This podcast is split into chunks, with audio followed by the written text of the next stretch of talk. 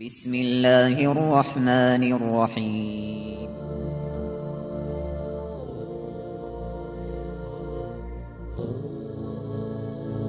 الرحمن العزيز الرحيم القوي السلام الكريم العظيم البصير العليم الحكيم الجبار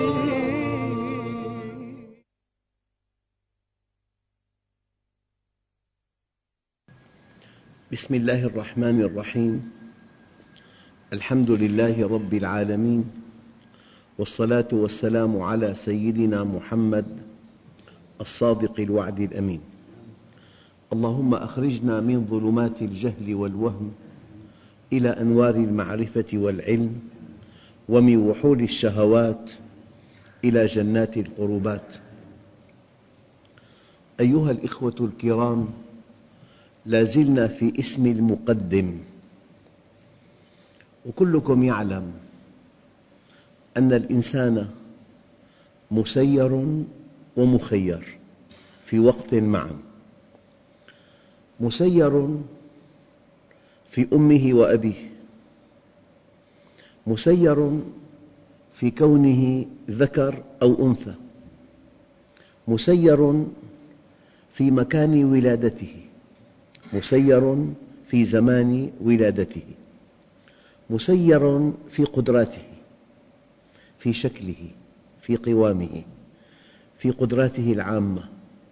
لكن العلماء أجمعوا على أن هذا الذي سير فيه الإنسان لصالحه وليس في الإمكان أبدع مما كان أو ليس في إمكاني أبدع مما أعطاني. هذا المقدم الكوني. قدمك بالوسامة قدمك بالذكاء قدمك بالفصاحة قدمك بالقدرات العامة. هو مقدم لحكمة بالغة بالغة. حينما تكشف يذوب الإنسان شكراً لله على ما أقامه. انطلاقاً من مقولة رائعة قالها ابن عطاء الله السكندري ربما أعطاك فمنعك وربما منعك فأعطاك وإذا كشف لك الحكمة في المنع عاد المنع عين العطاء. فأنت تتمتع بخصائص في أشياء أنت فيها مقدم. من الذي قدمك؟ المقدم؟ في أشياء أنت فيها متأخر. من الذي أخرك؟ ولدت من أسرة فقيرة. دخلك محدود. في طفل ولد من أسرة غنية جدا. دخله غير محدود. فالله عز وجل مقدم ومؤخر. قدمك في مجالات وأخرك في مجالات لحكمة بالغة بالغة عرفها من عرفها وجهلها من جهلها. الآن نستنبط أن الحظوظ حظ المال حظ الذكاء حظ الوسامة حظ القدرات العامة العالية أن الحظوظ موزعة في الدنيا توزيع ابتلاء. انظر كيف فضلنا بعضهم على بعض؟ وسوف توزع في الآخرة توزيع جزاء. لذلك إذا وقعت الواقعة ليس لوقعتها كاذبة خافضة رافعة. الأشياء التي تقدمت بها قدمك بها المقدم والأشياء التي تأخرت بها أخرك بها المقدم لصالحك. ولذلك الكلمة الوحيدة يوم القيامة لجميع الخلائق وآخر دعواهم أن الحمد لله رب العالمين. أيها الأخوة الآن نستنبط أن المقدم اسم يتعلق بالتربية هو يربينا يعطينا ما يناسبنا. يكافئنا على أعمالنا الصالحة فيقدمنا ويعاقبنا أحياناً على الأعمال التي ليست صالحة فيؤخرنا. فالله المقدم أي شيء تفوقت فيه الفضل لله عز وجل. أي شيء لمعت فيه الفضل لله عز وجل. أي شيء حققت فيه نجاحاً الفضل لله عز وجل لأنه المقدم. لكن كما قلنا في تقديم شرعي مثلا عدل ساعة خير من أن تعبد الله ثمانين عاماً قدم العدل. تفكر ساعة خير من قيام سنة. ليلة القدر خير من ألف شهر. يوم عرفة أفضل الأيام إطلاقاً. كما أن ليلة القدر أفضل الليالي إطلاقاً. الصف الأول عند الله مقدم. بر الوالدين مقدم.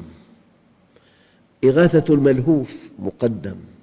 إحقاق الحق مقدم. التحلي بالخلق الحسن هذا في الدرجة الأولى. الإيمان هو الخلق. فمن زاد عليك في الخلق زاد عليك في الإيمان. الأوقات بعضها مقدم. لو يعلم الناس ما في العتمة والصبح لأتوهما ولو حبوا. يعني الزوج الصالح مقدم على الزوج غير الصالح. أنت من خلال القرآن والسنة تكتشف الذي قدمه الله تشريعاً. قدم تكويناً وقدم تشريعاً.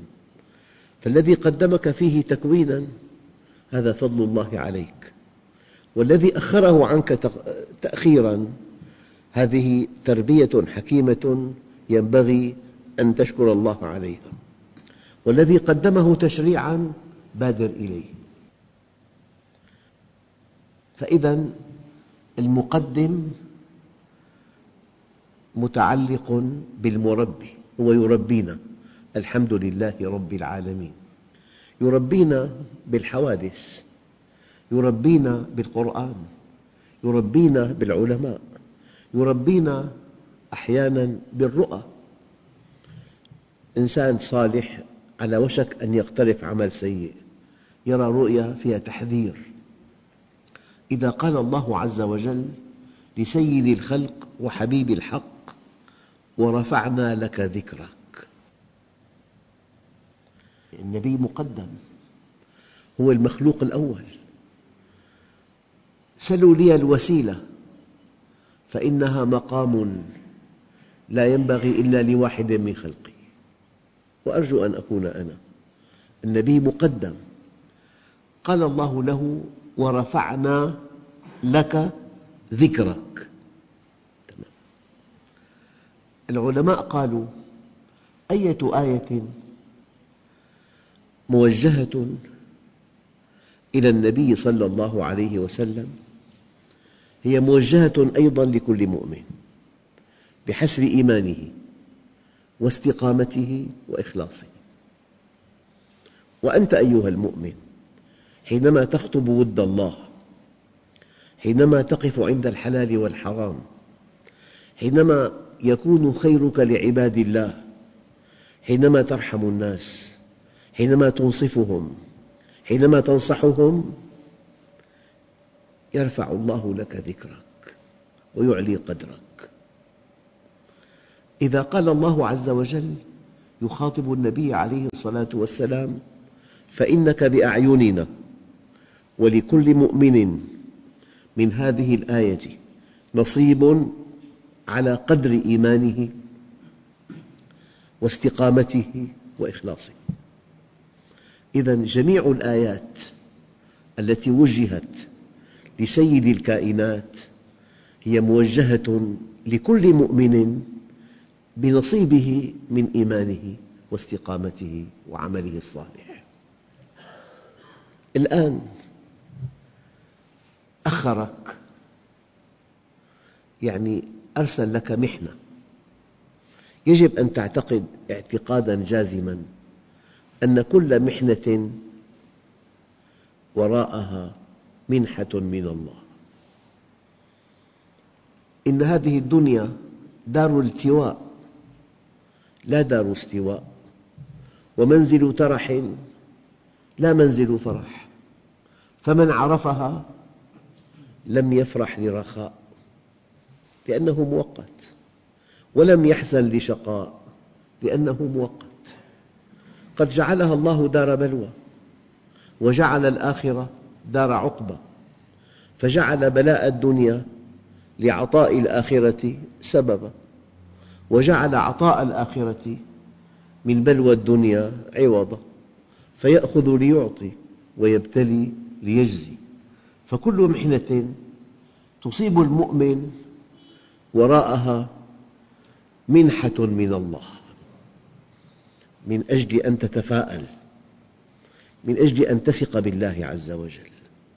ولا تهنوا ولا تحزنوا وأنتم الأعلون إن كنتم مؤمنين.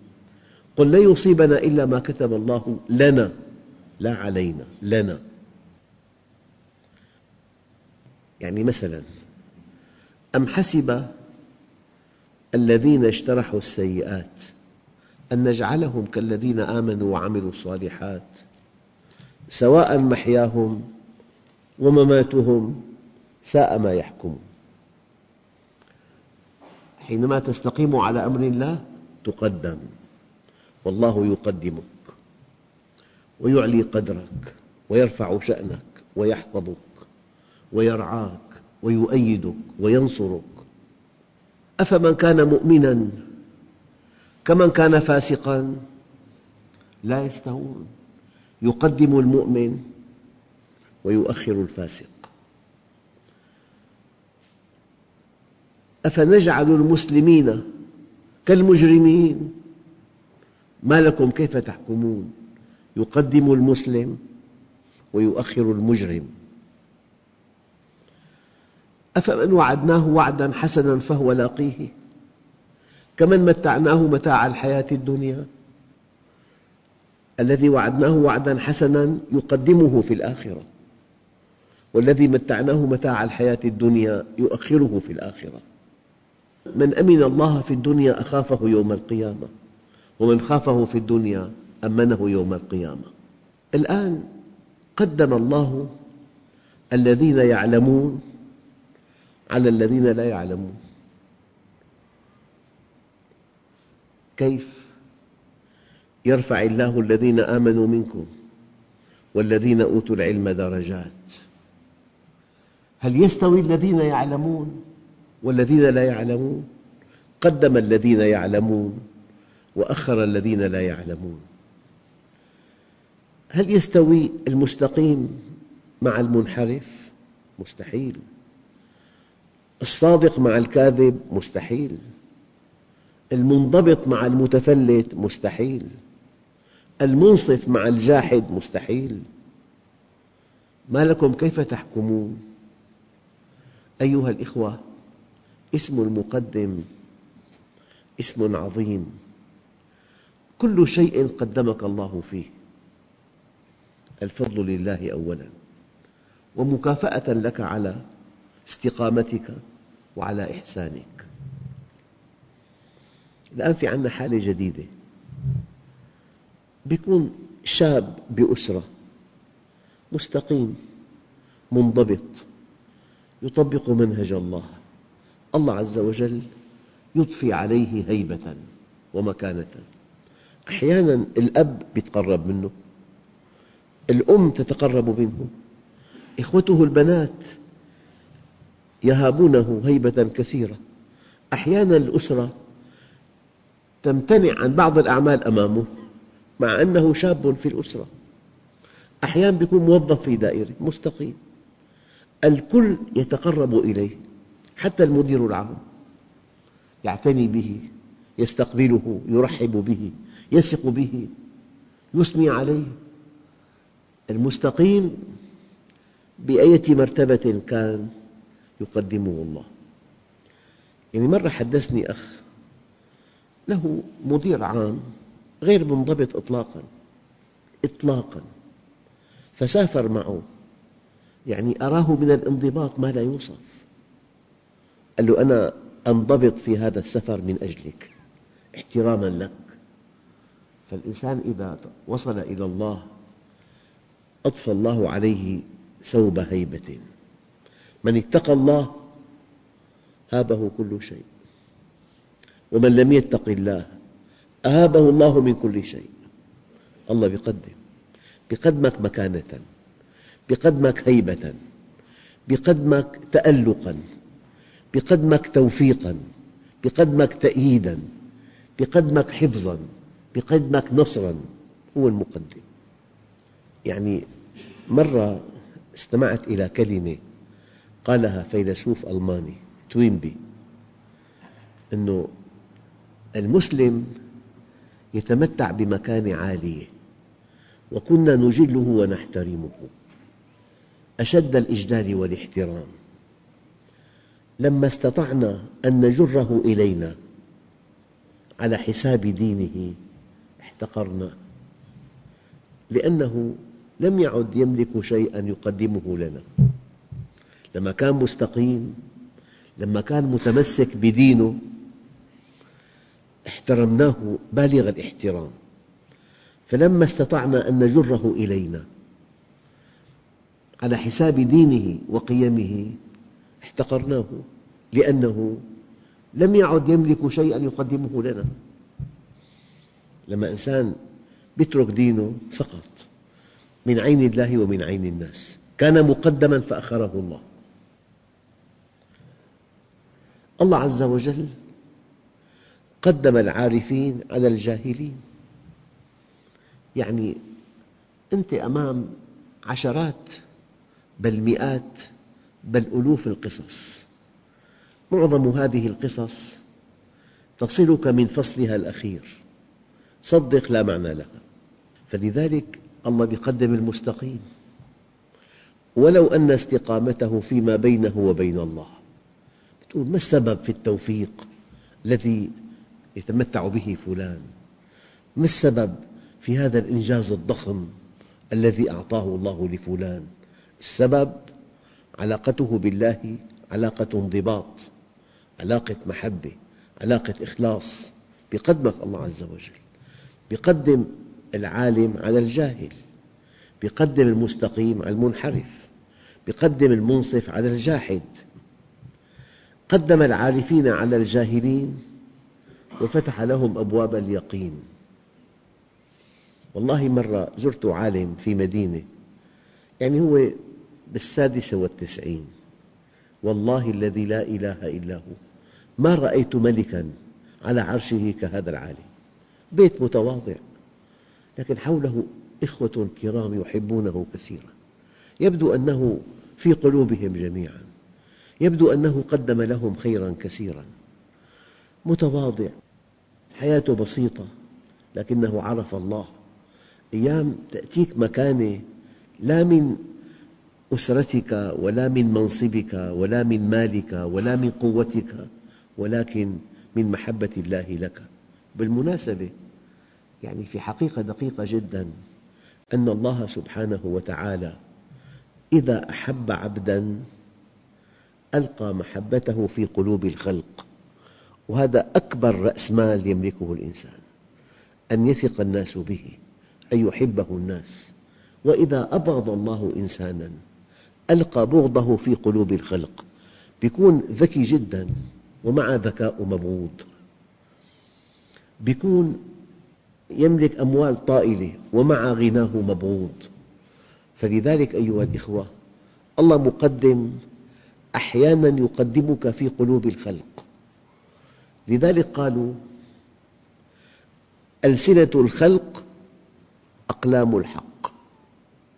حتى إن النبي عليه الصلاة والسلام في حديث فيه ملمح دقيق حينما أثنى, أثنى الناس على جنازة قال وجبت له الجنة لأن ألسنة الخلق هي أقلام الحق. يعني بصراحة المؤمن من لوازمه أن يعشقه الناس. متواضع منصف رحيم عفو. كريم يقدم شيء ثمين للأمة. يصير محبوب. لا تصدق مؤمنا لا يحبه الناس. لا تصدق مؤمنا آه، ليس يتمتع بمكانة عالية بين الناس. لأنه خطب ود الله. إذا كان الله معك فمن عليك. قدم العلماء على الجهلاء وجعلهم نجوم الاهتداء قدم رسول الله صلى الله عليه وسلم على كل الخلق وجعله حبيب الحق. مقدم الله عز وجل. سيدنا عمر حينما تولى الخلافة وقف ليخطب فنزل درجة. لم يقف في الدرجة التي كان يقف فيها الصديق. ثم قال ما كان الله ليراني أن أرى نفسي في مقام أبي بكر. من شدة أدبه ما أحب أن يقف على الدرجة التي وقف عليها أبو بكر. وكان يقول كنت خادم رسول الله وجلواذه وسيفه المسلول فكان يغمضني إذا شاء وتوفي وهو عني راض الحمد لله على هذا كثيرا وأنا به أسعد. شوف الأدب ثم كنت خادم أبي بكر خادم أبي بكر وجلواذه وسيفه المسلول فكان يغمضني إذا شاء. والحمد لله على هذا كثيرا وأنا به أسعد. أما وقد آلت الأمور إلي. فاعلموا أيها الناس أن تلك الشدة قد أضعفت. هو كان شديد بس مع واحد رحيم. كالأم والأب تماماً. الأب يقسو في الظاهر والأم تشفع لابنها. الآن النبي الكريم انتقل. والصديق انتقل. قال لقد آلت الأمور إلي. اعلموا أن هذه الشدة قد أضعفت. وإنما تكون على أهل المعصية والفجور. أما أهل التقوى والإيمان فسأضع خدي ليطؤوه بأقدامهم. كلام سيدنا عمر. لكم علي أيها الناس خمس خصال خذوني بهن حاسبوني.